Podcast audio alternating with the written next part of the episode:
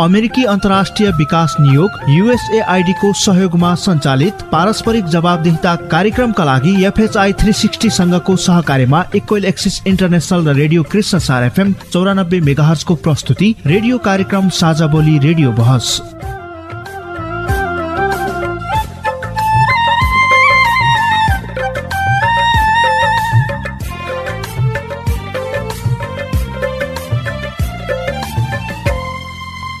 नमस्कार साझा बोली रेडियो बहसमा तपाईँलाई स्वागत छ। म माया अधिकारी। साझा बोली रेडियो बहसमा हामी नागरिक समाज आम संचार माध्यम र सार्वजनिक निकाय बीचको पारस्परिक जवाबदेता र आपसी दिगो सम्बन्धका विषयमा बहस गर्छौं। पारस्परिक जवाबदेताका क्षेत्रीय सवाल र परिवेश समेटेर तयार पारिएको साझा बोली रेडियो बहसको यो स्थानीय संस्करण हो। आजको साझा बोली रेडियो कृष्ण सार एफएम चौरानब्बे मेगा हर्सले उत्पादन गरेको हो। यो रेडियो बहस radio Krishnasar FM Nepalgunj radio Gurubaba Bardiya र रेडियो भोइस कपिल वस्तुबाट पनि सुन्न सकिन्छ।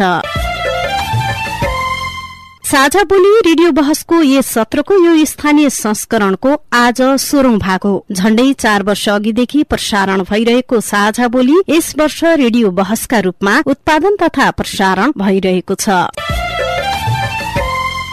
साझा बोली रेडियो बहसको आजको भागमा हामी एचआईबी एड्स रोकथामका चुनौतीहरू र समाधानका उपाय सम्बन्धमा छलफल गर्दैछौ। आजको बहसमा मुख्य गरी एचआईबी रोग सम्बन्धी सचेतना व्यवस्थापकीय सामाजिक र सांस्कृतिक चुनौती तथा रोकथामका उपायहरू सम्बन्धमा बहस गर्नेछौ। कन्टिन्यू काउन्सिलिङ सबैलाई दिएका छौँ र जसलाई जे निड छ त्यसको आधारमा चाहिँ हामी काउन्सिलिङ दिन्छौँ। र बिरामीहरूको पनि आफ्नै सामाजिक सांस्कृतिक समस्याहरू छन्। उहाँहरू हामीसँग कन्ट्याक्टलेस भइदिनुहुन्छ। त्यस्तै एचआईबी एड्स रोकथामका चुनौतीहरू र समाधानका उपाय सम्बन्धमा तपाईँ सिधा प्रश्नको सिधा जवाब पनि सुन्न सक्नुहुन्छ। त्यो संस्थाका व्यक्तिहरू जुन संस्थामा एचआईबी सम्बन्धी काम गर्छन् नि त्यो काम गर्ने व्यक्तिले त्यहाँ गएर हामी पनि एचआईबी लागेको व्यक्ति हामीलाई केही भएन एचआईबी भनेको केही होइन भनेर त्यो स्वयं व्यक्तिले गएर त्यहाँ भन्नु पर्यो कि? साँच्चीकै ती क्लाइन्टहरूलाई यदि चाहिँ हामीले चाहिँ हेला गरेका छौँ भने ती कर्मचारीहरू चाहिँ भोलि चाहिँ तपाईँको चाहिँ जरिवाना र चाहिँ तपाईँको दोषको चाहिँ भागीदार हुनेछ। साझा बोली रेडियो बहस अमेरिकी अन्तर्राष्ट्रिय विकास नियोग युएसएआईडी मार्फत अमेरिकी जनताहरूको सहयोगका कारण सम्भव भएको हो। यस कार्यक्रमभित्रका विषयवस्तु र सामग्री पारस्परिक जवाबदेहिता कार्यक्रमका एकल जिम्मेवारी हुन्। र यहाँ प्रस्तुत भनाइले युएसएआईडी वा अमेरिकी सरकारको विचार प्रतिबिम्बित गर्छन् भन्ने जरुरी छैन। साझा बोली रेडियो बहसमा तपाईँलाई फेरि स्वागत छ। बहसका लागि उपस्थित भइसक्नु भएको छ भेरी अस्पतालका HIV focal person doctor Sanket रिसाल बाँकी जनस्वास्थ्य कार्यालयका एचआईभी फोकल पर्सन मानव नेपाली र नागरिक समाजका तर्फबाट एएचएफ नेपालका कार्यक्रम संयोजक संजय कुमार पौड्याल र भेरी अस्पतालका एचआईभी काउन्सिलर होमनाथ सुवेदी। यहाँहरू चारैजनालाई साझा बोलीमा हार्दिक स्वागत छ। धन्यवाद। धन्यवाद। सुरुमा हामी एचआईभी के हो भन्ने बारेमै छलफल गरौं आजको बहसमा। सर्वप्रथम म भेरी अस्पतालका एचआईभी फोकल पर्सन डाक्टर संकेत रिसालज्यूतर्फ आउँछु। यो एचआईभी रोग कस्तो रोग हो? एचआईभी एउटा रोग हो जुन चाहिँ संक्रमणका कारकहरू थुप्रै भए पनि जब एचआईभी संक्रमण हुनुहुन्छ व्यक्तिबाट व्यक्तिमा के हुन्छ भन्दाखेरि पनि त्यो भाइरसले गर्दाखेरि प्रतिरोधक क्षमता डिफेन्स पावर मेडिकल साइन्सको शब्दमा चाहिँ इम्युनिटी त्यो घट्दै जान्छ र एचआईभी भनेको ह्युमन इम्युन भाइरस यो नामबाटै अब मेडिकल पर्सनले त बुझ्छन् तर कन्फ्युजन नेपालमा धेरै मान्छेलाई के छ भने थेगो जस्तो छ। एचआइभी एड्स भएको छ भन्छन्। यो एचआइभी र एड्स भन्ने कुरा अलग हो। एचआइभी भनेको एचआइभी भाइरस भइहाल्यो। मानवमा प्रतिरोधक क्षमता भाइरसले गर्दा कुनै एक्सनहरू नदेखाए पनि रगतको माध्यमद्वारा या कुनै अरू जाँचको माध्यमद्वारा पोजिटिभ देखिनु र एड्स भनेको चाहिँ जब एचआइभी भइसक्छ र प्रतिरोधक क्षमतामा केही असर गरिसक्छ र त्यसपछि केही लक्षणहरू देखिन थालेपछि त्यसलाई एड्स भनिन्छ।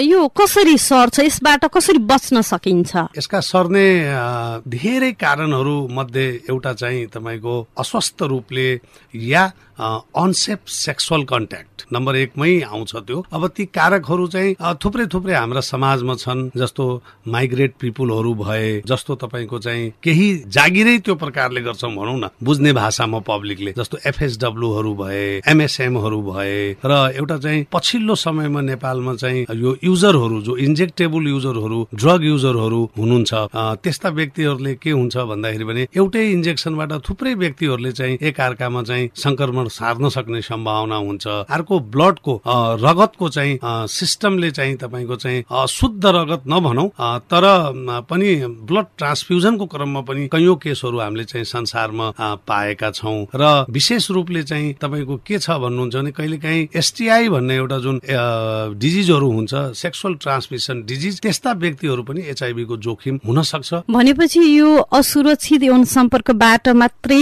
एचआइबी सर्न सक्छ भन्ने एउटा मानसिकतालाई हटाउनु पर्यो। अब यहाँ विभिन्न कारणले पनि सर्न सक्छ भनेर बुझ्नु पर्यो। अब हामी रेडियो बसमा एउटा आवाज सुनौ। नमस्ते मेरो नाम योगेश पिक कलिबस्तुबाट। एचआइभी एड्स थाहा छैन कसरी लाग्दो सानो क्लासमा पढेको रे भुलियो। एचआइभी एड्सको बारे खासै स्कुलमा खुलेर सरहरूले नपढाउने छलफल नगर्ने हुँदाखेरि विद्यार्थीहरू पनि लजाउने। कसरी सर्छ भन्ने बारे सरहरूबाटै आउने थिएन। हामी जस्तो स्कुल नप नगएकाहरूलाई खासै यसको बारेमा थाहा छैन। यहाँ दुईटा कुरा छ। एउटा स्कुल छोड्नेहरूले यो ज्ञान कसरी पाउने होइन? र एउटा चाहिँ स्कुलमै राम्रोसँग छलफल भएन भने त्यहाँ पनि खुलेर छलफल नहुँदाखेरि विद्यार्थीहरू पनि प्रष्ट नहुने। दुईवटा समस्याले पनि जुन किशोर किशोरी नै शिक्षा पाउनु पर्ने हो त्यसबाट पनि वञ्चित भएको या प्रभावकारी नभएको भनेर बुझ्न सकिन्छ। म बाँकेका जनस्वास्थ्य कार्यालयका एचआइभी फोकल पर्सन मानव नेपालीज्यू तर्फ आउँछु। यौन सम्बन्धसँग सम्बन्धित अलिकति समस्या अलिकति सर्ने समस्या भएको हुनाले नै पक्कै पनि मान्छेहरू चाहिँ फेरि एउटा किशोर अवस्थामा यस्तो कुराहरू जाहेर गर्न यस्तो कुराहरू चाहिँ अब भन्न पनि अलिक अप्ठ्यारो लाग्ने। र अब विद्यालयमा हामीले पनि अलिक अगाडि चाहिँ हाम्रो विद्यालय स्वास्थ्य शिक्षा कार्यक्रमहरू पनि चलिरहेको छ। अहिले पनि ल्याओस् अब स्थानीय तहले सञ्चालन गर्दै आइराख्नु भएको छ। त्यो जस्तै अब पियर एजुकेटरहरूले पियर एजुकेसन दिने कार्यक्रमहरू पनि छ कम्युनिटी लेभलमा र पनि अब एउटा हाम्रो एउटा समाज यो अलिकति यौनका कुराहरू खुलेर नगर्ने भएको हुनाले पनि यो कुरामा चाहिँ अलिकति भनेपछि यहाँहरूको कार्यक्रम स्कुलका विद्यार्थीहरूका भाइ बहिनीहरूका लागि पनि छ। अहिले त अब हाम्रो स्वास्थ्य कार्यालय मार्फत त्यस्तो कार्यक्रमहरू चाहिँ अब बजेटहरू एलोकेट गरिएको छैन। तर विगतमा जनस्वास्थ्य कार्य जिल्ला जनस्वास्थ्य कार्यालय हुँदाखेरि जिल्ला जनस्वास्थ्य कार्यालयमा त्यस्ता जनचेतना अभिवृद्धि गर्ने कार्यक्रमहरू थुप्रै हुन्थ्यो र हामीले चाहिँ हेल्थ फेसिलिटी लेभलबाट आमा समूह मार्फत किशोर अवस्था किशोर किशोरीहरूकोमा विद्यालय स्वास्थ्य शिक्षा कार्यक्रम मार्फत हामीले यस्ता कार्यक्रमहरू सञ्चालन गर्ने यो जस्तो विद्यालय पढाइ छोडेका अनि पाठ्यक्रममा पढ्न नपाएका विद्यार्थीहरूका लागि पनि यो खालको शिक्षा दिनुपर्छ भनेर यहाँहरूले केही प्रयास गरिरहेको अभ्यास छ कि जसले गरिरहेछ नि त्यो त पियर एजुकेटरहरू भनेर जुन तपाईँको चाहिँ विद्यालय नजाने अनि उहाँहरूको किशोर किशोरीहरू गाउँघरमा जुन विद्यालय नजाने कलेज नजानेहरूको लागि पनि शिक्षाको कार्यक्रम छ नि त। भनेपछि कभरेज सीमित होला? त्यसले गर्दाखेरि पनि अब जति रुम जुन रूपले हामीले कभर गर्नुपर्ने हो त्यति रूपमा कभर नभएको स्थिति त्यसले। गर्दा यो खालको जनचेतना नभएको हुन सक्छ र यसलाई अब बढाउनु पर्छ भन्नेमा यहाँहरू कतिको हुनुहुन्छ? एकदम बढाउनु पर्छ किनभने हामी एउटा निश्चित अवधिमा एउटा टार्गेट एचिभ गर्नुपर्नेछ। हामीले सन् दुई हजार तिसमा एउटा निश्चित तपाईँको चाहिँ एचआइबीको अवस्थालाई हामीले चाहिँ अब एकदमै नेपालबाट होइन एचआइबीको अवस्थालाई एकदमै शून्यमा झार्ने हो होइन? एकातिर यहाँले बजेट पनि छैन अहिले केही पनि कार्यक्रम छैन पनि भनिरहनु भएको छ। अब आवश्यकता महसुस भएको छ बढाउनु पर्छ पनि भन्दै हुनुहुन्छ। अब कसरी गर्नुहुन्छ? हाम्रो स्वास्थ्य कार्यालय मार्फत बजेट छैन भयो भनेको त अब स्थानीय तहहरूले त आफ्नो हिसाबले बजेट एलोकेट गर्न सक्छ होइन एचआइबी एड्सको क्षेत्रमा। त्यसपछि अब राष्ट्रिय एचआइबी एड्स नियन्त्रण केन्द्रसँग पनि बजेटहरू हुन्छ र विभिन्न चाहिँ तपाईँको सहयोगी सङ्घ संस्थाहरू हुनुहुन्छ उहाँहरूले पनि कार्यक्रमहरू गरिराख्नु भएको छ। भनेपछि यहाँले अब कोर्डिनेसन गरेर यो कामलाई अझै बढाउनुहुन्छ? एकदम। अब जहाँनिर चाहिँ तपाईँको हामीलाई आवश्यकता महसुस हुन्छ कुन कार्यक्रमको कहाँनिर आवश्यकता हुन्छ थुप्रै साथीहरू हुनुहुन्छ थुप्रै एक्सटर्नल डेभलपमेन्ट पार्टनरहरू हुनुहुन्छ उहाँहरूसँग सहकार्य गरेर समन्वय गरेर हामीले त्यो गर्छौँ नै। अब म नागरिक समाजका तर्फबाट एएचएफ नेपालका कार्यक्रम संयोजक सञ्जय कुमार पौड्याल तर्फ आउँछु यो सचेत बनाउने कुरामा कतिको प्रभावकारी काम गरिरहेका छौँ भन्ने लागेको छ यहाँहरूलाई? गैर सरकारी संस्थाहरूले डेभलपमेन्ट पार्टनर्सहरूले आफैले गर्नुभन्दा पनि नेपाल सरकारसँगको एग्रिमेन्टमै गर्ने हो। र अवेरनेसको कुराहरूमा चाहिँ स्टिल अहिले पनि अब यो आइसी मेडसेलहरू अब जुन किसिमले अघि जुन भाइको आवाज थियो त्यसलाई चाहिँ उहाँले चाहिँ स्कुलमै नभए पनि करिकुलममा पनि अहिले एचआइभी र एड्सका कुराहरू राख्ने राखिएको छ र त्यहाँ पढ्न पाउनु भएन भने पनि बाहिर चाहिँ नजिकको अस्पतालहरू एचआइभी टेस्टिङ एन्ड काउन्सिलिङ सेन्टरहरू र विभिन्न किसिमका सङ्घ संस्थाहरू छन् जसले चाहिँ एचआइभी रोकथाम अनि त्यसपछि एउटा जाँच र उपचारको काममा चाहिँ काम गर्दै आइरहेको छ। र ती संस्थाहरूको मा गएर चाहिँ एचआइभीसँग सम्बन्धित आइसी मेटेरियलहरू ब्रोसरहरू पिक्चर मार्फत देखाइएका चाहिँ म्यासेजहरू उहाँहरूले हेर्न सक्नुहुन्छ र विभिन्न होर्डिङ बोर्डहरूमा लागेका र अहिले त अनलाइन प्लेटफर्महरू पनि छन् होइन। अनलाइन प्लेटफर्महरूबाट पनि यदि चलाउन जान्नुहुन्छ भने त्यस मार्फत पनि यी विषय वस्तुहरूमा चाहिँ उहाँले जानकारी लिन सक्नुहुन्छ। जति पनि कार्यक्रम हामी गरिरहेका छौँ त्यसरी राम्रो रिजल्ट दिइरहेको छ। हामीले यसलाई अझै केही सुधार्न आवश्यक छ कि भन्ने कुरामा यहाँहरू कतिको सचेत हुनुहुन्छ? यो अहिले नलेज लेभल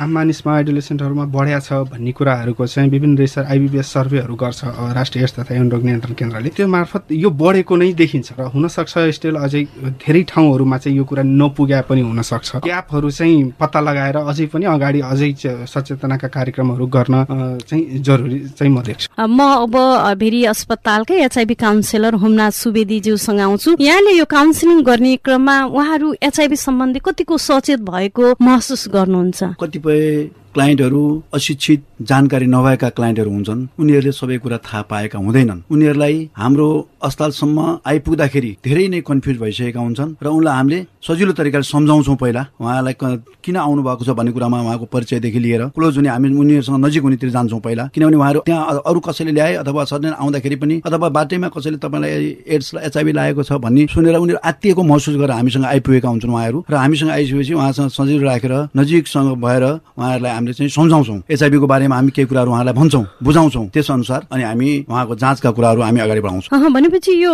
जति पनि क्लाइन्टहरू आउनुहुन्छ उहाँहरू चाहिँ यो एचआइभी सम्बन्धी सचेत नभएकै कारण एचआइभी भएको यहाँलाई महसुस भएको छ कि कोही कोही यस्ता केसहरू हुन्छन् सचेत हुँदा हुँदै पनि एचआइभी लागेर आएको त्यस्तो पनि पाइएको छ? अब सचेत हुँदा हुँदै लाग्यो भन्ने त अब थाहा पाएर पनि नभन्लान् उनीहरूले थाहा भएन भनेर आउँछन्। तर पढे लेखेका बुद्धिजीवी मान्छेहरू पनि आउँछन् जो मलाई लाग्छ उहाँहरू आफ्नो नेग्लिजेन्सले लापरवाहीको कारणले पनि एचआइभी लागेको हुनसक्छ त्यस्ता पनि हामीसँग आएका हुन्छन्। अब एचआइभी लागिहाल्यो भने खत्तमै भयो अब मरिने भयो भन्ने एउटा सोच छ नि अहिले पनि विद्यमानै छ। अब पनि के यसरी डराउनु पर्ने अवस्था हो त? छैन तर मान्छेमा अझै पनि कन्सेप्ट छ। एकातिर हाम्रो यो तपाईँको समाज एचआइभी एड्स भन्ने बित्तिकै हेर्ने दृष्टिकोण जुन छ नि त्यसले गर्दा पनि मान्छेहरू आत्तिएको डराएको हुन्छ। तर त्यो अवस्था अब रहेको छैन। किनभने अब औषधि हाम्रो नेपालमा प्रशस्त मात्रामा छ। एचआइभी लागिसकेपछि पनि हामीले उपचार गर्ने हामीसँग औषधि छ जसले हाम्रो जीवन लाइफ भगवान्ले जतिसम्म दिएको छ त्यहाँसम्म बाँच्न सक्ने हामीसँग औषधि छ। यदि क्लाइन्टले राम्रोसँग औषधि खान्छ भने उहाँहरू मजाले बाँच्नुहुन्छ। हामीसँग अहिले पनि सत्तर पचहत्तर वर्षको उमेर भएका वृद्ध बुवा आमाहरू पनि औषधि खाइराख्नु भएको छ तन्दुरुस्ती हुनुहुन्छ। तपाईँ अहिले पारस्परिक जवाबदेता प्रवर्धनका लागि साझा बोली रेडियो बस सुन्दै हुनुहुन्छ। हामी कुरा गरिरहेका छौँ एचआइबी एड्स रोकथामका चुनौतीहरू र समाधानका उपाय सम्बन्धमा। भर्खरै हामीले एचआइभी बारे जानकारी गराउने प्रयास गर्यौं र एचआइभी रोकथामका लागि सचेतनाको पाटोका विषयमा छलफल गर्यौं औषधि नियमित खाए लामो उमेरसम्म बाँच्न सकिने कुरा आएको छ। अहिलेसम्मको छलफलबाट धेरै जसो व्यक्तिहरू जनचेतनाको अभाव भएकै कारण एचआइभी संक्रमित भएको पाइएकाले असै सचेतनालाई बढाउनु पर्ने निष्कर्ष निकालेका छौं। साझा बोली रेडियो बहसमा अझै हामी एचआइभी एड्स रोकथामका व्यवस्थापकीय चुनौती र समाधानका उपाय सम्बन्धमा घनीभूत छलफल गर्नेछौ। तपाई साझा बोली रेडियो बहस सुन्दै गर्नुहोला।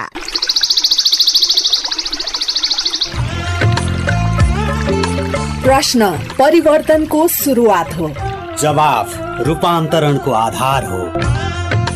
प्रश्न आविष्कारको जननी हो। जवाफ सुशासनको परिणाम हो। त्यसैले प्रश्न सोधौ जवाफ खोजौ। तपाईँले हामीलाई पैसा नलाग्ने नम्बरमा फोन गरेर आफ्ना कुराहरू भन्न सक्नुहुन्छ। एनसेल प्रयोग गर्नुहुन्छ भने अन्ठानब्बे शून्य पन्ध्र एकहत्तर शून्य उन्तिसमा फोन गर्न सक्नुहुन्छ। एनटिसी प्रयोग गर्नुहुन्छ भने सोह्र साठी शून्य एक शून्य शून्य चार पाँच नौमा फोन गर्न सक्नुहुन्छ। अथवा Boli Sajha at the rate Gmail dot com BOLI SAJHA at the rate Gmail dot कममा इमेल गरेर वा मेरो रिपोर्ट र साझा बोलीको फेसबुक युट्युब ट्विटर टिकटक पोस्टहरूमा सेयर लाइक वा कमेन्ट गरेर पनि आफ्ना कुराहरू भन्नु सक्नुहुन्छ। पारस्परिक जवाफदेहिताका लागि प्रश्न सोधौं जवाफ खोजौं। साझा बोली रेडियो बहस। साझा बोली रेडियो बहसमा तपाईँ अहिले एचआईभी एड्स रोकथामका चुनौतीहरू र समाधानका उपाय सम्बन्धमा सवाल जवाब सुन्दै हुनुहुन्छ। बहसमा अतिथि हुनुहुन्छ भेरी अस्पताल बाँकेका HIV focal person doctor Sanket Risal Banke जनस्वास्थ्य कार्यालयका एचआईभी फोकल पर्सन मानव नेपाली र नागरिक समाजका तर्फबाट एएचएफ नेपालका कार्यक्रम संयोजक संजय कुमार पौड्याल र भेरी अस्पतालकै एचआईभी काउन्सिलर होमनाथ सुवेदी। अब हामी एड्स रोकथामका व्यवस्थापकीय चुनौती र रोकथाम रोकथामका उपाय सम्बन्धमा छलफल गर्छौं। हामीलाई बर्दियाबाट अनुज थारूज्यूले एउटा आवाज पठाउनु भएको छ। पहिले हामी त्यो आवाज सुनौ त्यसपछि छलफल गरौं। नमस्कार। म चाहिँ काजल चौधरी सुन्दर संस्कार गुलरिया बर्दियाको पनि प्रोग्राम कोअर्डिनेटर अब काम गर्ने दौरानमा अब हामीले एचआइसी भन्ने बित्तिकै मान्छेले अब समाजमा विभिन्न डिजिजले हेर्ने गर्दछन् अब लान्छन् विभेद प्रकारको छ। अनि राख्छन् विभेद हुँदाखेरि अब हामीले काम गर्दा पनि अब सोचे जस्तो सजिलो छैन जो मान्छे एचआइभीको जोखिममा हुन्छ ऊ मान्छे आफै पनि एचआइभी टेस्ट गर्न आउँदैन। भित्रभित्रै लुकेर बसेको हुन्छ अनि यसो गर्दाखेरि उहाँहरूलाई अब बारम्बार काउन्सिलिङ गर्नुपर्ने हुन्छ। के छ भन्दाखेरि अब हामीले काउन्सिलिङ त गरिराखेको छौँ तर काउन्सिलिङ गर्ने क्रममा अब हामीबाट पनि अब कुनै क्षेत्रमा अलि अपुग भयो कि भन्ने जस्तो लाग्यो अब। एउटा यस्तो के अरे केस पनि छ जो चाहिँ अब केस त फाइन आउट गऱ्यौँ हामीले तर ऊ औषधि अहिलेसम्म खान आएको छैन। एक वर्ष बितिसक्यो एकचोटि होइन दुईचोटि होइन धेरै हामीले त्यहाँनिर के अरे आफ्नो ऊहरू लगायौँ त्यत्रो स्पोर्ट लगाउँदा पनि हामीले औषधि खुवाउन सकिराखेको छैनौँ भनेपछि यो एउटा पनि हाम्रो चुनौती छ। कोही चाहिँ अब आफ्नो जबसम्म बिरामी पर्नुहुन्न तबसम्म चाहिँ उहाँ किराती खाना औषधि खानै आउनुहुन्न कि? जब बिरामी पर्नुहुन्छ नि बिरामी परिसकेपछि अब लास्टमा हस्पिटल भर्ना गर्नुपर्ने हुन्छ नि यही म त अब औषधि खान्छु मैले त यस्तो भएको भनेर त्यस्तो धारणा पनि हुन्छ। औषधि लिन कि हस्पिटलमा विभिन्न प्रकारको पिरियडहरू हुने होइन। राम्रोसँग काउन्सिलिङ नभइदिने त्यस्तो कुराहरू पहिलेबाट उठिराखेको अब अहिलेको तत्कालको समस्या नभए पनि चाहिँ हाम्रो यो बर्दिया जिल्लामा जो जो एमएसएम टिभी साथीहरू हुनुहुन्छ जो इच्छुक हुनुहुन्छ म हस्पिटल जाँदैन म सुन्दर संसारबाटै औषधि खान्छु भनेर भन्नुभयो भने हामीले चाहिँ उहाँहरूलाई हाम्रो अफिसमा आउनुहोस् भनेर चाहिँ उहाँहरूले लगभग पाँचजनाले चाहिँ हाम्रो अफिसबाटै औषधि लिइराख्नु भएको सुरुमा म भेरी अस्पतालका एचआइबी फोकल पर्सन डाक्टर संकेत रिसालज्यू तर्फ आउँछु खास यसमा के भन्न चाहनुहुन्छ बिरामीले यसो भन्नुपर्ने अवस्था किन आएको होला? काजलजीले सोधेका प्रश्नहरूमा काजलजीको सेन्टरमा म कहिले काहीँ इन्सपेक्सनमा गएर चाहिँ त्यहाँ चेक जाँच पनि गरेको छु। काजलजीको ग्रुपमा धेरै जसो क्लाइन्टहरू चाहिँ MSM male sex with male FSW female sex worker है? टिजी ग्रुपहरू चाहिँ काजलजीको ग्रुपमा आउँछन्। त्यसले गर्दा स्वाभाविक रूपले चाहिँ उहाँहरू अलिकति चाहिँ लजालु वातावरण। काजलजीको जुन प्रश्न छ त्यसमा चाहिँ अस्पतालमा एआरटी सेन्टरमा गइसकेपछि सेवाग्राहीलाई सेवा दिने मान्छेले चाहिँ चाहिँ यस्तो गर्यो भन्ने कुरा भन्दा पनि मेरो विचारमा यो सेल्फ स्टिगमा हो र नेपाल सरकारले अहिले गैर सरकारी संस्थाहरूसँग मिलेर लगभग लगभग चाहिँ एफएचआई थ्री सिक्सटी भन्ने एउटा प्रोजेक्ट छ जुन चाहिँ नेपाल सरकारको अन्तर्गत नै छ। यस्ता व्यक्तित्वहरूलाई चाहिँ डिस्पेन्सिङ सेन्टर भनेर एनसिएस एनसिएससीसँग चाहिँ संयोजक गरेर चाहिँ उहाँहरूलाई अलग्गै एउटा अफिस खोलिदिएको छ। नेपालगञ्ज जस्तो सानो भेरी अस्पतालमा लगभग साढे पाँच सय भन्दा बढी क्लाइन्टहरू चाहिँ हामी कहाँ राम्रो स्थितिमा चाहिँ औषधि खाइरहेका छन् एचआइभी पोजिटिभ भएका छन् त्यसमा धनी पनि छन् गरिब पनि छन् तपाईँको चाहिँ कजहरू विभिन्न छ। कति चाहिँ एट द बर्थ आमा बाबाबाट जन्मिँदैखेरिको बच्चाहरू पनि पोजिटिभ छन्। मैले हिजोका दिनमा पनि यो कुरा थुप्रै ठाउँमा भनेको छु। आजको दिनमा पनि भन्छु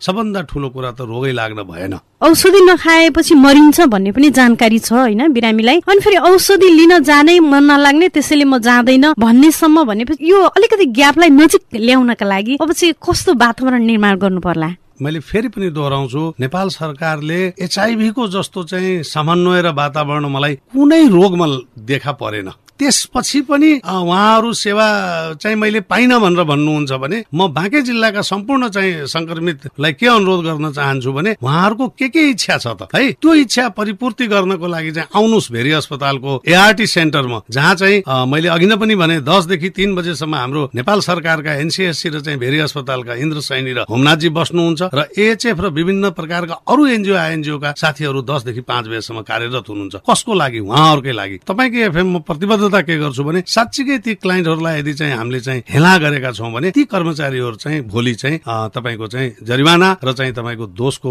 चाहिँ भागीदार हुनेछन् र तिनलाई कारवाही मैले आफ्नो मेडिकल सुप्रिन्टेन्डेन्टसँग भन्न लगाएर पनि गराउनेछु। अब म बाँकेका जनस्वास्थ्य कार्यालयका एचआइबी फोकल पर्सन मानव नेपालीज्यू तर्फ आउँछु। यो महिनामा एकपटक औषधि लिन जानुपर्ने त्यो पनि जिल्ला अस्पतालमै लिन जानुपर्ने यो महिना महिना जानुपर्ने जस्तो अघि बर्दियामा काजल चौधरीले भनेको जस्तो ठाउँ ठाउँमा जहाँ पाएक पर्छ जस्तो उहाँहरूले सुन्दर संसारबाटै पनि प्राप्त गर्न सकिन्छ भन्ने कुरा पनि गर्नुभयो। यस्तो व्यवस्था गर्न सकिँदैन?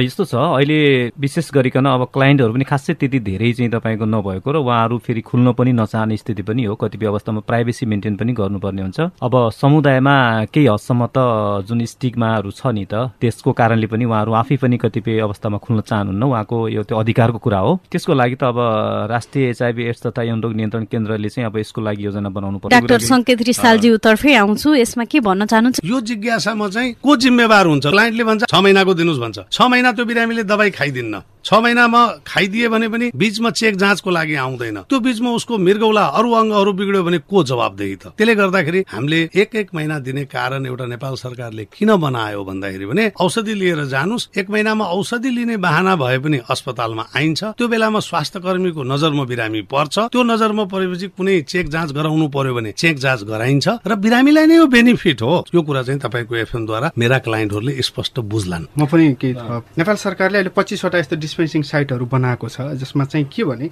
एआरटी सेन्टर भनेर मेजर हस्पिटलहरूमा राखिया छ भने त्यहाँबाट औषधि मात्र पिल पिकअप गर्नको लागि त्यस्ता टाढा परेको जिल्लाभित्रै टाढा परेको क्षेत्रहरूको लागि चाहिँ दिएको छ। सुदूरपश्चिममा पनि त्यसरी छ यता पनि चाहिँ कपिल वस्तुमा पनि त्यसरी चाहिँ डिस्पेन्सिङ साइटहरू खोलिएको छ बाँकेको हकमा खोलिएको छ। र त्यो भएर सरकारले यसलाई अझ कम्युनिटी लेभलसम्म अझ पेरिफेरीसम्म पुर्याउने कोसिस नगरे होइन गरे हो। र अझ यो अगाडि गयो भने पनि अझ धेरै बढ्यो भने अझ सहज होला। तर औषधिको विषयमा कस्तो छ त भन्दाखेरि यो औषधि जुन हामीले प्रयोग गरिरहेका छौँ विश्वमै उत्कृष्ट औषधि हो। र यो औषधि र यसको उपचारसँग सम्बन्धित केही टेक्निकल प्रब्लमहरू चाहिँ स्टिल रहेको छ। यसको एक्सपायरी कम हुने जसले गर्दाखेरि नेपाल सरकारको चौमासिक सप्लाईमा सप्लाई गर्न नसकेर अहिले पनि एनसिएससीले डाइरेक्ट दुई दुई महिनाको मात्रै सप्लाई पर्ने अवस्था छ। अनि त्यस्तै गरेर चाहिँ यसको प्रोक्युरमेन्ट ग्लोबल टेन्डरको मार्फत चाहिँ प्रोक्युर गरेर लिएर आउनु पर्ने र भोलिको दिनमा यो औषधि फेलियर भयो भने हामीसँग धेरै अप्सन नभएको अवस्था छ। जस्तो अहिले बिरामीले खाने छोड्ने खाने छोड्ने गरिदिनु भयो भने त्यो औषधिले के गर्छ त भन्दा उहाँमा रेसिस्टेन्स डेभलप हुन्छ र औषधिले काम गर्दैन। र त्यही गरेर लामो समय खाइदिनु भयो भने चाहिँ उहाँले चाहिँ यस्तो रेसिस्टेन्स डेभलप गर्नुहुन्छ त्यसपछिका औषधिहरू पनि काम नगर्ने हुन्छ। र हामीसँग लिमिटेड औषधिहरू भयो हुनाले अलिकति धेरै हात खोल्न चाहिँ राष्ट्रिय यस्ता नियन्त्रण नियन्त्रण केन्द्र र यो टेक्निकल कमिटीहरू छ उहाँहरूले नसके अवस्था हो एचआइभीकोमा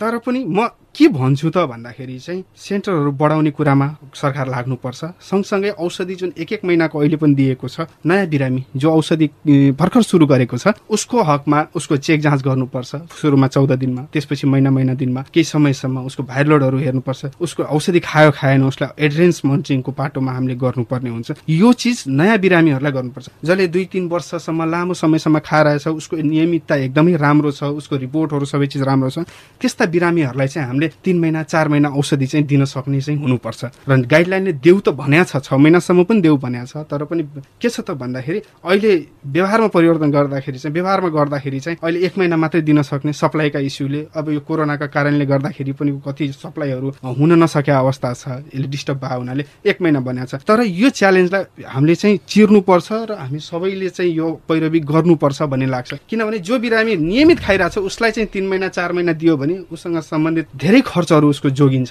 जुन अघि तपाईँले पनि कुरा उठाउनु भयो मानव शरीर रक्षाले पनि कुरा उठाउनु भयो उनीहरूको ट्रान्सपोर्टेसनका कुरा अरू पाटोहरू छन्। त्यस्तो बिरामीहरूलाई चाहिँ हामीले दिन सक्छौँ र दिनुपर्छ भन्ने चाहिँ मलाई लाग्छ।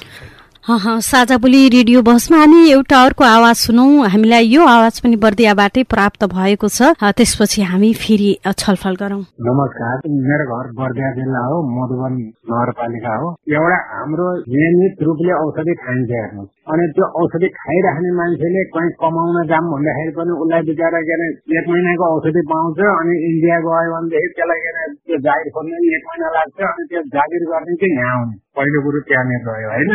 त्योभन्दा राम्रो नेपाल सरकारले कुनै पनि जीविकोपार्जनको लागि अथवा के अरे कुनै व्यापार व्यवसायले थोरै यसरी गरेर खाऊ अथवा बाख्रा भैँसी बाख्रा जे जे हुन्छ त्यो पालेर के जीविकोपार्जन गर्नुहोस् न त भनिदिएदेखि अझ राम्रो हुन्छ जस्तो लाग्छ है मलाई। फेरि पनि म Bheri अस्पतालकै HIV focal person doctor Sanket रिसालज्यूतर्फ आउँछु। यो जस्तो बाहिर जानेहरू यहाँ एक महिना औषधि लिएर बाहिर विदेश जानेहरूले फेरि कन्टिन्यू कसरी गर्न सक्छन्? मधुबनको दाईको जिज्ञासा बडा राम्रो हो। यो बाख्रा पालन खसी पालन के के भन्नुभयो नि उहाँले? आजको नयाँ नेपालमा म के भन्छु भने स्थानीय सरकार संघीय सरकार प्रादेशिक सरकार। आजै म अनुरोध गर्छु तपाईँ आजै आफ्नो वडा कार्यालयमा जानुहोस्। यस्ता प्रोग्रामहरू त्यहाँ छन् नभए होइन।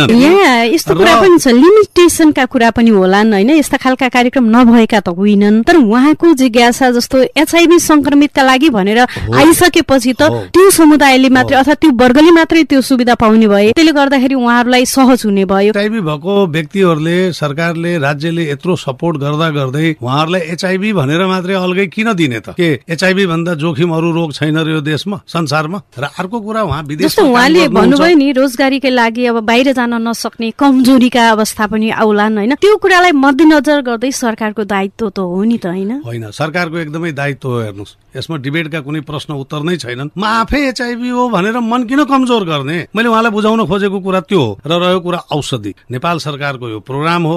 त्यहाँ डेलिभरीका कुरा छन्।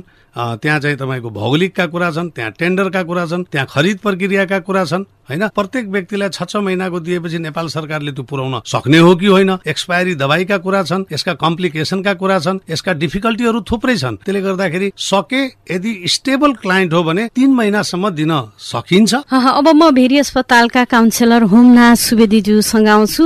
बाँकेको तथ्याङ्क हेर्ने हो एचआइभी पोजिटिभको संख्या भन्दा औषधि खानेको संख्या निकै नै न्यून देखिन्छ झन्डै आधा नै देखिन्छ। यस्तो फरक किन भइरहेको छ? कतिपय हाम्रा बाँकेका क्लाइन्टहरू भन्नुभयो भने इन्डियातिरै जाने क्रम छ है। बाहिर कमाउनको लागि गरिबीको कारणले गर्दा इन्डियातिर गएका हुन्छन्। त्यसले गर्दा हेर्दा एचआइभी धेरै देखिएका र औषधि खान कम देखेको कारण के हो भने हामीले कतिपय इन्डियाका क्लाइन्टहरूलाई हामी इन्डियाबाट पनि खान दिने सुविधाहरू छ। यही इभन हामी बहराजमा पनि बिरामीहरू उताका छन् भने हामीले फोन गरेर पनि उहाँहरूलाई दिन्छौँ। अथवा बाहिर टाढा दिल्ली बम्बईतिर पनि औषधि खाने क्लाइन्टहरू हाम्रा छन् जसले उहाँबाट पनि औषधि पाइरहेका छन्। तिनलाई हामीले यहाँ गनिएको छैन तर एचआइभी भनेर पहिले भनियो। अहिले बाँकेको अवस्थामा कुरा गर्नुहुन्छ भने पनि तिन सय चौरानब्बे जना क्लाइन्टले चाहिँ यहीँबाट बाँकी जिल्लाको बाँकीबाटै खाइराख्नु भएको छ। म अब नागरिक समाजका तर्फबाट गैसस अन्तर्गत एएचएफ नेपालका कार्यक्रम संयोजक सञ्जय कुमार पौड्यालज्यू तर्फ यही सवाललाई लिएर आउँदैछु।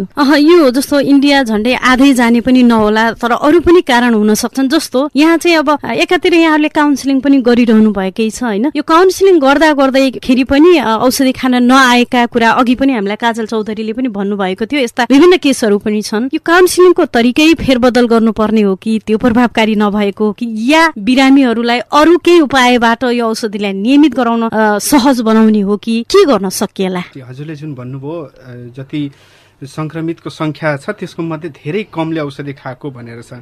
यो औषधि खानै नआएको भन्ने अर्थ होइन। उहाँहरू के हो त भन्दाखेरि चाहिँ कतिले उपचार यहाँ फर्स्टमा दर्ता भएर सुरु गर्नुभयो।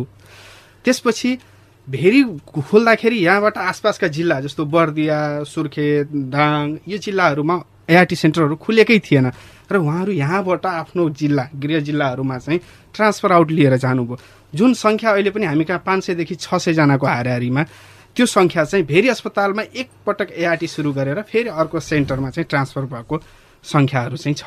कति जस्तो बिरामीहरू औषधि खान नमान्ने बिरामी भइसकेपछि अनि बल्ल आउने कुरा पनि त छ नि फेरि। छ। यो यो कुरा चाहिँ के छ भने काउन्सिलिङको पाटोमा हामीले दिए कन्टिन्यू काउन्सिलिङ सबैलाई दिएका छौँ र जसलाई जे निड छ त्यसको आधारमा चाहिँ हामी काउन्सिलिङ दिन्छौँ। र बिरामीहरूको पनि आफ्नै सामाजिक सांस्कृतिक समस्याहरू छन्। उहाँहरूको आफ्नै किसिमका बाध्यताहरू छन्। उहाँहरू हामीसँग कन्ट्याक्टलेस भइदिनुहुन्छ।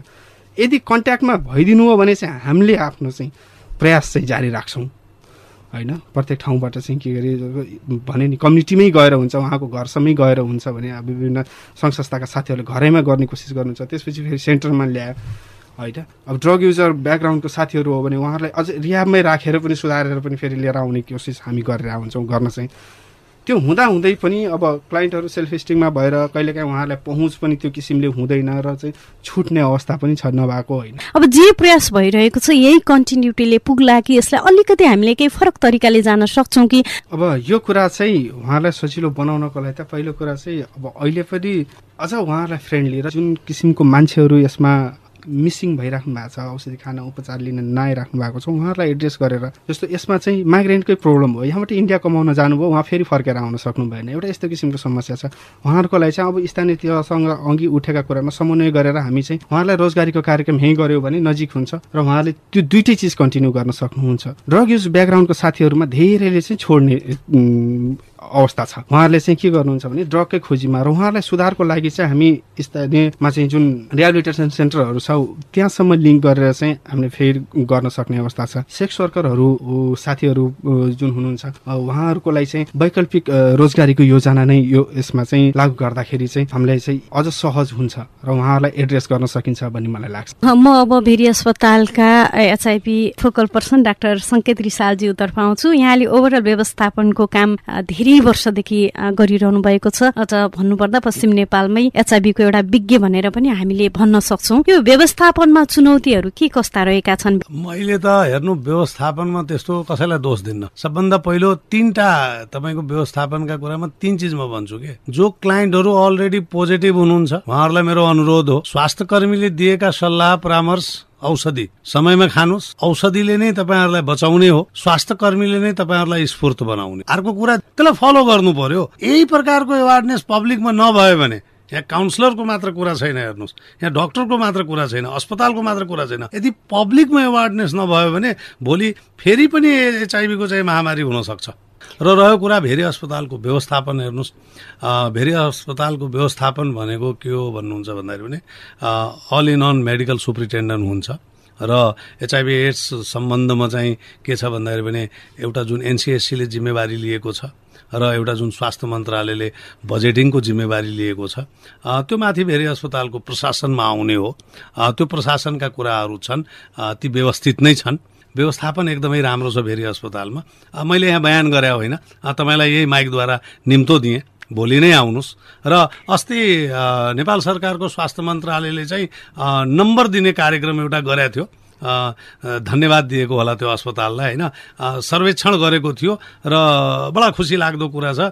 जुन एउटा कुनै बेला र अहिले पनि धेरै व्यक्तित्वहरूले चाहिँ एआरटीको कोठा भन्छन्। तर त्यही एआरटीको कोठाले पाएको नम्बरले गर्दा भेरी अस्पताल चाहिँ सङ्घीय अस्पतालमा चाहिँ नेपालभरिको उत्कृष्ट पद पाउन म विजय भयो। अब म बाँकेका जनस्वास्थ्य कार्यालयका एचआइभी फोकल पर्सन मानव नेपाली ज्यूतर्फ आउँछु। जस्तो दुई हजार तिसमा हाम्रो एचआइभी उन्मूलन गरिसक्ने लक्ष्य छ। अहिले हामी दुई हजार एक्काइसमा रनिङ छौँ। हामीसँग थोरै समय पनि छ र बजेट पनि छैन खासै कार्यक्रम पनि छैन भन्ने कुरामै एउटा चुनौती त पक्कै छ होइन? यो अलावा जस्तो व्यवस्थापकीय अरू के चुनौती छन् जसलाई अब हामीले कसरी समाधान गर्यौं भने अगाडि बढ्न सकिन्छ यहाँहरूको पाटोबाट? मैले अब एउटा कुरा के भन्न चाहन्छु भन्दाखेरि अब यो एचआइबीको हामी चाहिँ अब लक्ष्य जुन छ नि दुई हजार तिससम्म उन्मूलन गर्ने लक्ष्य छ त्यसलाई हासिल गर्नको लागि हामीहरूले अब इन्टिग्रेटेड एप्रोचमा जानुपर्छ होला जस्तो लाग्छ।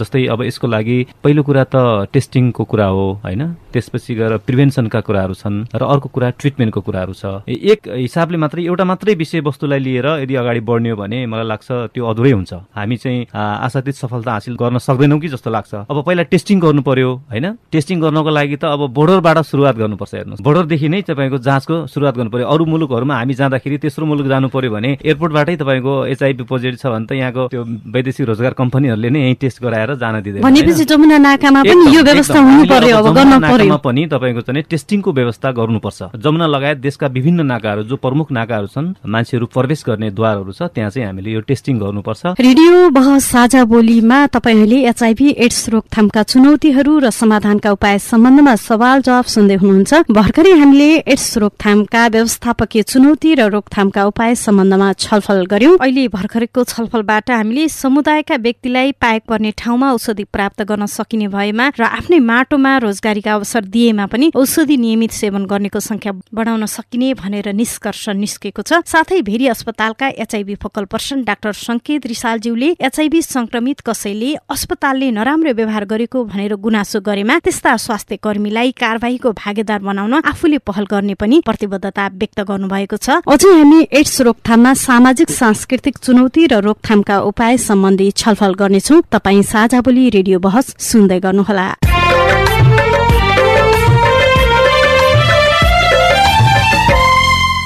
रेडियो साझा बोलीमा तपाईँ एचआईभी एड्स रोकथामका चुनौतीहरू र समाधानका उपाय सम्बन्धमा सवाल जवाब सुन्दै हुनुहुन्छ। बसमा अतिथि हुनुहुन्छ भेरी अस्पतालका HIV focal person doctor Sanket Risal Banke जनस्वास्थ्य कार्यालयका एचआईभी फोकल पर्सन मानव नेपाली नागरिक समाजका तर्फबाट एएचएफ नेपालका कार्यक्रम संयोजक संजय कुमार पौड्याल र भेरी अस्पतालका एचआईभी काउन्सिलर होमनाथ सुवेदी। अब हामी एड्स रोकथाममा सामाजिक सांस्कृतिक चुनौती के कस्ता छन् र कसरी तिनलाई रोकथाम गर्न सकिन्छ त भन्ने विषयमा छलफल गर्छौं। यस हामी एउटा आवाज सुन्छौं त्यसपछि हामी छलफल गर्छौं। जय कुमारी सुना जानकी गाउँपालिका अहिले जति पनि यिनी संघ संस्थाहरू छन् एचआइभी संक्रमितलाई पनि जागिरी दिएर अब राखेका छन् के? संस्था एचआइभी संक्रमितको संस्था भनेर खोलेछन् तर त्यो संस्थाका व्यक्तिहरू जुन संस्थामा एचआइभी सम्बन्धी काम गर्छन् नि त्यो काम गर्ने व्यक्तिले त्यहाँ गएर हामी पनि एचआइभी लागेको व्यक्ति हो हामी पनि यस्तो हो हामी यति सालदेखि औषधि खाइरहेका छौँ हामी हामीलाई केही भएन एचआइभी भनेको केही होइन भनेर त्यो स्वयं व्यक्तिले गएर त्यहाँ भन्नु पर्यो कि? संस्थामा जागिरी खाएर मात्रै एचआइभी छौँ भने अनि जागिरी खाने संस्थाभित्र मात्रै एचआइभी भनेर भएन। गाउँमा पनि गएर गाउँघरका दिदी बहिनीहरू तिनी अब इन्डियाबाट आउने जाने हुन्छन् तिनीहरूमा गएर जनचेतना जस्तो कुनै पनि तालिम ट्रेनिङ गर्दाखेरि स्वयं आफू देखिनु पर्यो कि? हामी पनि यति वर्षदेखि औषधि खाएछौँ हामीलाई केही भएको छैन तपाईँहरूलाई पनि केही हुन्न डर मान्नु पर्दैन। यो औषधि यस्तो यस्तो आएको छ भनेर त्यहाँ खुलेर बोल्नु पर्यो के? दिदी बहिनी इन्डिया गएका दाजुभाइहरू तिनी कति बाल बच्चाहरू एचआइभी पीडित भएर कति मान्छे लुकेर अझै बसेका छन् के? हामीले उहाँको कुरा सुन्यौं। म अब नागरिक समाजका तर्फबाट एएचएफ नेपालका कार्यक्रम संयोजक सञ्जय कुमार पौड्यालज्यू तर्फ आउँछु। उहाँले गइससकै कुरा गर्नुभयो र गइससहरूले अझै गाउँ घरमा अझ पनि उदाहरण देखाएरै गर्यो भने अझ प्रभावकारी बन्छ भन्ने कुरा पनि गर्नुभयो। गइससले कसरी अभ्यास गरिरहेको छ? उहाँको कुरालाई कतिको अब लागू गर्न सकिन्छ अथवा जायज छ कि छैन यसलाई लागू गर्नका लागि पनि केही चुनौती छन् कि के भन्न चाहनुहुन्छ? यो हाम्रो जुन जयकलाजीले जुन कुरा उठाउनु भयो यो कुरा चाहिँ एउटा के हो त भन्दाखेरि हामी हामीले पब्लिक हेल्थमा पढ्दाखेरि पनि सेटिङ एन्ड इक्जाम्पल भन्छौँ कि। कुनै पनि कुराको लागि चाहिँ यदि स्वास्थ्य कर्मीले चुरोट नखाऊ भन्ने हो भने चाहिँ स्वास्थ्य कर्मी आफैले चुरोट खाएर देखाउनु चाहिँ भएन भने जस्तै कुरा हो। उहाँले उठाएको कुरा एकदम सही कुरा हो। यो एउटा इक्जाम्पल सेट गर्न हामीले सक्यौँ भने चाहिँ त्यो अवस्थामा चाहिँ यो अवेरनेस गर्न अझ सजिलो चाहिँ पर्छ। र यसमा रहेको कुरा के भने ती भएर यो गैर सरकारी संस्थाहरूले जसले एचआइबीको सेक्टरमा काम गरिरहेको छन् उहाँहरूले चाहिँ एचआइबी संक्रमितहरूलाई चाहिँ प्रायोरिटीमा राखेर र उहाँहरू नै पियर एजुकेटरहरू हामी भन्छौँ उहाँहरूलाई साथी शिक्षकहरूको रूपमा उहाँहरूलाई चाहिँ जागिरी दिएको अवस्था चाहिँ छ। र उहाँलाई जागिरी दिइसकेपछि उहाँहरूसँगको उद्देश्य चाहिँ के हो त भन्दाखेरि चाहिँ उहाँहरूले हामी पनि यस्तो हो जुन जयकलाजीले भन्नुभयो र तपाईँहरू पनि यसरी खुलेर आउनुहोस् भन्ने खुलेर आउनुहोस् अथवा के अरे उपचारमा आउनुभयो भने यसले चाहिँ राम्रो गर्न सक्छ भन्ने किसिमले चाहिँ उहाँले इक्जाम्पल सेट गर्नको लागि चाहिँ अहिले अब यहाँ बाँकेमा हकमा काम गर्ने संस्थाहरूले जागिरी खाछन्। जागिर जागिर खाएको चाहिँ जति पनि छन् एचआइभी सङ्क्रमितहरू धेरैले चाहिँ जागिर पाउनु भएको छ। त्यहाँ नपाएको पनि होइन। र उहाँले भने जस्तो उहाँले गएर फिल्डमा काम गर्नुहुन्छ र उहाँहरूको केही ठाउँ केही पर्सपेक्टिभहरू चाहिँ पर्सनल पनि हुन्छ र जहाँ गएर उहाँले एकैचोटि खुलेर भन्न सक्ने अवस्था नभए होला होइन? र यो उहाँहरूको इन्डिभिजुअल पाटो पनि जो कतिपय खुल्न पनि चाहनुहुन्छ नि जस्तो उहाँ स्वयं खुलिरहनु भएको छ होइन? उहाँहरूलाई उदाहरण स्वरूप लगेर यो जति पनि गैसोसोले यस्ता कार्यक्रम गर्नुहुन्छ उहाँ इक्जाम्पल दिएर परिवर्तनका लागि यो पनि त गर्नु सकिन्छ नि। छ। त्यसरी पनि के गरी गर्न सकिन्छ तपाईँले भन्ने कुरा हो। र त्यही भएर हामीले चाहिँ जस्तो यो ओल्ड स्टेहरूको अवसरमा जसले यसरी नियमित औषधि खाएको छ र राम्रो भएको छ र उहाँहरूलाई नै अगाडि स्टेजमा राखेर अवार्ड गर्ने कामहरू पनि हामीले गरेका छौँ। र त्यो जिल्ला स्वास्थ्य कार्यालयले त्यति बेला चाहिँ गरेको पनि हो र यो कुराहरू चाहिँ अझै कन्टिन्यू भयो भने चाहिँ अझ चाहिँ अवेरनेस अझै बढ्ला भन्ने कुरामा चाहिँ म छु। अब म भेरी अस्पतालका काउन्सिलर हुमना सुवेदीज्यूसँग आउँछु। जति पनि एचआइभी संक्रमितहरू आउनुहुन्छ तपाईँहरूले काउन्सिलिङ गर्नुहुन्छ त्यो बेलामा उहाँहरूको सामाजिक सांस्कृतिक पृष्ठभूमिले के कस्ता पक्षमा असर गरिरहेको यहाँले पाउनु भएको छ? त्यस्तो कुराहरू पाइन्छ। कतिपय आफ्नै घर समाजमा पनि त्यो कुराहरू घटना घटेको हुन्छ। जस्तो कुनै क्लाइन्टले अब घरमा भनौँ भने भोलि गति घरकै मान्छेले पनि तिरस्कार गर्लान् न मलाई हेला गर्लान् भन्ने हिसाबले पनि उनीहरू चाहिँ भन्न चाहेका हुनन्। हामीले उहाँको कोही गार्जेन बोलाउँदाखेरि कतिपय क्लाइन्टले चाहिँ नाइ नबोलाउनुहोस् म मात्रै एक्लै मलाई मात्रै भन्नुहोस् अथवा म मात्रै खान्छु म मात्रै गर्छु भन्छ। तर हामीले त्यसै मात्रै गर्न मिल्दैन। अनि हामीले केही सम्झाएर उहाँहरूको गार्जेनलाई चाहिँ बोलाउँछौँ र त्यसरी उहाँ सम्झाउँछौँ। तर यो रहेको छ। तपाईँको त्यही परिवारमा पनि एउटै परिवारमा बसेर अहिले पनि हामी कहीँ कति ठाउँमा सम्झाउने प्रयास गरेका पनि छौँ। उसलाई जसलाई एचआइबी भएको छ उसलाई बिचरा अलग्गै गोठमा बसेर खाना खान दिइन्छ थाल अलग्गै राखिन्छ। र त्यो सुनेपछि हामीले त्यो घरमा पनि पठायौँ। त्यो त्यहाँका परिवारलाई पनि हामीले बोलाएर पनि अहिले पनि सम्झाएको अवस्था छ। यस्तो रहेको छ अझै पनि छ। यसलाई हामीले चिर्ने प्रयास गरेका पनि छौँ। सबै संस्था पनि लागेको छ।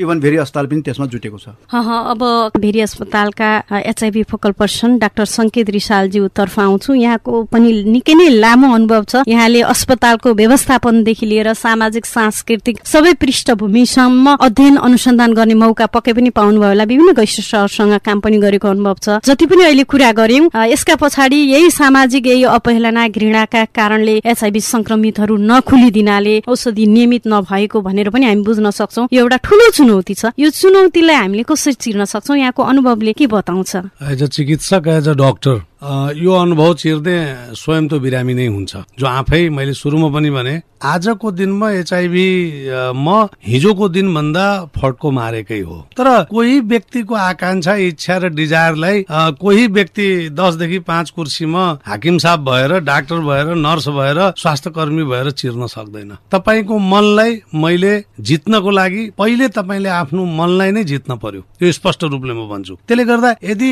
उन्नाइस सय अठासी पहिलो एचआइभी संक्रमित सम्झिने हो र अहिले दुई हजार एक्काइस भेरी अस्पताल सम्झिने हो भने मलाई लाग्छ यी स्टिगमाका कुरा यी डिस्क्रिमिनेसनका कुरा यो लान्छनाका कुराहरू लगभग लगभग निनानब्बे पर्सेन्ट राम्रोतिर गएको छ। अब राज्यको तर्फबाट के गर्ने भनेर भन्दाखेरि भने as a physician as a चाहिँ तपाईँको चाहिँ म एचआइभीको चाहिँ ट्रेनर एज अ भेरी अस्पतालको फोकल पर्सन के भन्न चाहन्छु भने जो हाम्रा पुराना क्लाइन्टहरू हुनुहुन्छ जो दस वर्षदेखि बाह्र वर्षदेखि जुन औषधिहरूमा हुनुहुन्छ। लगभग लगभग उहाँहरू बिस्तारै उमेरले पनि अब उमेर माथि जाँदैछ होइन? त्यस्तालाई चाहिँ तपाईँको पोषणका कुराहरू डाइटका कुराहरू अब कोही चाहिँ आफ्नै घरबाट चाहिँ सम्पन्न हुनुहुन्छ भने क्लाइन्टहरू तिनलाई मैले भने होइन। तर गरिब क्लाइन्टहरू पनि हुनुहुन्छ। त्यसले गर्दा औषधि लिने क्रममा चाहिँ सम्पूर्ण क्लाइन्टहरू सतहत्तरै जिल्लाका क्लाइन्टहरूमा चाहिँ राज्यले अलिकति औषधि सँगसँगै सिस्टममा चाहिँ के डेभलप गरिदिनु पर्यो भन्दाखेरि पनि औषधि खाने जति पनि हाम्रा क्लाइन्टहरू छन् त्यसलाई राम्रो न्युट्रिसन चाहिन्छ राम्रो डाइट चाहिन्छ। है त्यो गाइडलाइनकै डिमान्ड हो। त्यसले गर्दाखेरि करोडौँ रुपियाँ चाहिँ औषधिमा खर्च छ तपाईँको व्यवस्थापनमा खर्च छ नेपाल सरकारको होइन? अब जहीँ ऋण तहीँ ऋण होइन? एचआइभीका क्लाइन्टलाई जब राज्यले यति गरिरहेको छ भने तिनका न्युट्रिसन तिनका पोषणमा पनि अलिकति चाहिँ तपाईँको योजना बनाइदिए चाहिँ एचआइभीका क्लाइन्टहरूलाई सुनमा सुगन्ध हुन्थ्यो। भनेपछि सरकारले यो पोषणका प्याकेजहरू पनि ल्याइदियो भने औषधि जुन एउटा बर्डन हुन्छ नि आर्थिक पनि अब बिरामी भइसकेपछि घरबाट सपोर्ट गर्नु पर्ला। त्यो पनि कमी हुँदाखेरि उहाँहरूले अलिकति मान सम्मान पाउन पनि सहज वातावरण हुन्छ परिवारको बर्डन भन्दा पनि सन्तान जन्मेपछि त्यो परिवार नै हो। तर राज्य पनि हाम्रो परिवार हो के? है? त्यसले गर्दाखेरि चाहिँ राज्यले चाहिँ यो गाइडलाइनको डिमान्ड हो के? राज्यले यस्तो गर्नै पर्छ भन्ने छैन। राज्यले अब आजदेखि दबाई दिन्न आफै किनेर खाऊ पनि भन्न सक्छ। तर आर्थिक यदि सम्पन्नता छ एचआइभी पेसेन्टको लागि भने चाहिँ सँगसँगै औषधि सँगसँगै पोषणको व्यवस्थापन गरे पनि एकदमै सुनमा सुगन्ध हुन्थ्यो किनभने त्यो डिमान्ड नै हो। भनेपछि समाजमा जति विभेद गर्न खोजिए पनि अपेलना गर्न खोजिए पनि व्यक्ति स्वयं स्ट्रङ भयो भने यो समस्या हुँदैन। म कमजोर छैन भनेर उहाँहरूले महसुस गर्नु पर्यो र नियमित औषधि खानु पर्यो उहाँहरू शारीरिक रूपले त कमजोर हुनुहुन्न नै। दस वर्षदेखि उहाँहरूलाई एचआइभी पोजिटिभ छ। बाँचिराख्नु भएको छ त। स्वस्थ हुनुहुन्छ त उहाँहरू अनि किन आफूलाई उहाँहरूले कमजोर भन्ठान्नुहुन्छ त? तर मन बलियो बनाउनु पर्यो। मेन्टली प्रिपेयर्ड हुनु पर्यो। जस्तो एचआइभी रोग मलाई लागेछ त्यस्तै मलाई ट्रिटमेन्ट गर्ने डाक्टरलाई पनि त ब्लड प्रेसर हाई छ त। सुगर छ त कसैलाई? त्यो पनि त दीर्घ रोगी हो। त्यसले पनि त सधैँ दबाई खान्छ। त्यसको पनि त बार्नु पर्ने कुरा त छ नि त प्रेसरमा नुन कम खाऊ सुगरमा चिनी नखाऊ। त एचआइभी म अनसेफ सेक्स नगर। सबका त आफ्ना आफ्ना मूल्य मान्यता छन्। त्यसले गर्दा फिजिकल रूपले उहाँहरू कमजोर हुनुहुन्न। मेन्टली उहाँहरूले डेभलप गर्न पर्यो। त्यति हो मेरो अनुरोध उहाँहरूलाई। हस् महत्वपूर्ण समय अनि सुझाव कुराकानीका लागि प्रतिबद्धताका लागि पनि यहाँहरू चारैजनालाई धेरै धेरै धन्यवाद। हाम्रो पनि धन्यवाद। धन्यवाद।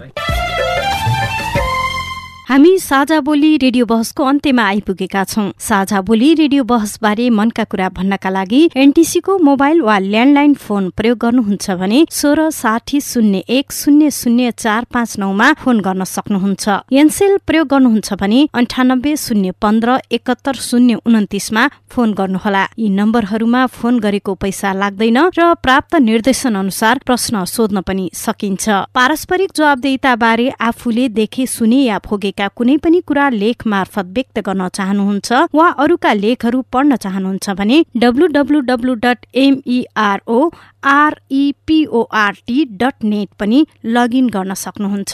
साझा बोली रेडियो बहस तपाईँले मेरो रिपोर्ट वेबसाइट पोडकास्ट च्यानल र सामाजिक सञ्जालहरूमा पनि सुन्न सक्नुहुन्छ। हवस् त। आजको छलफलबाट एचआईभी सम्बन्धी सचेतना बढाउनु पर्नेमा लागि पर्ने बिरामी स्वयं मानसिक रूपमा कमजोर नबन्नु पर्ने जस्ता महत्वपूर्ण कुरा आए। समुदायका व्यक्तिलाई पाएक पर्ने ठाउँमा औषधि प्राप्त गर्न सकिने भएमा आफ्नै माटोमा रोजगारीका अवसर दिएमा औषधि नियमित सेवन गर्नेको संख्या बढाउन सकिने साथै भारतीय सीमा नाकामा पनि एचआईभी टेस्ट गरेर पठाउने व्यवस्था अब गरिनुपर्ने निष्कर्ष निस्केको छ भने भेरी अस्पतालका एचआईभी फोकल पर्सन डाक्टर संकेत रिसालज्यूले एचआईभी संक्रमितबाट अस्पतालले नराम्रो व्यवहार गरेको भनी गुनासो आएमा त्यस्ता स्वास्थ्य कर्मीलाई कार्यवाहीको भागेदार बनाउन आफूले पहल गर्ने प्रतिबद्धता पनि व्यक्त गर्नुभयो। आशा छ यी प्रतिबद्धताहरू पूरा हुनेछन्। यतिन्जेल ध्यान दिएर कार्यक्रम सुन्नु भएकोमा तपाईँलाई धेरै धेरै धन्यवाद। आगामी हप्ता पनि आजको जस्तै समयमा सार्वजनिक जवाबदेताको अर्को विषयमा खरो छलफल लिएर आउनेछौ। सुन्न नबिर्सनुहोला। आजको कार्यक्रमबाट म माया अधिकारी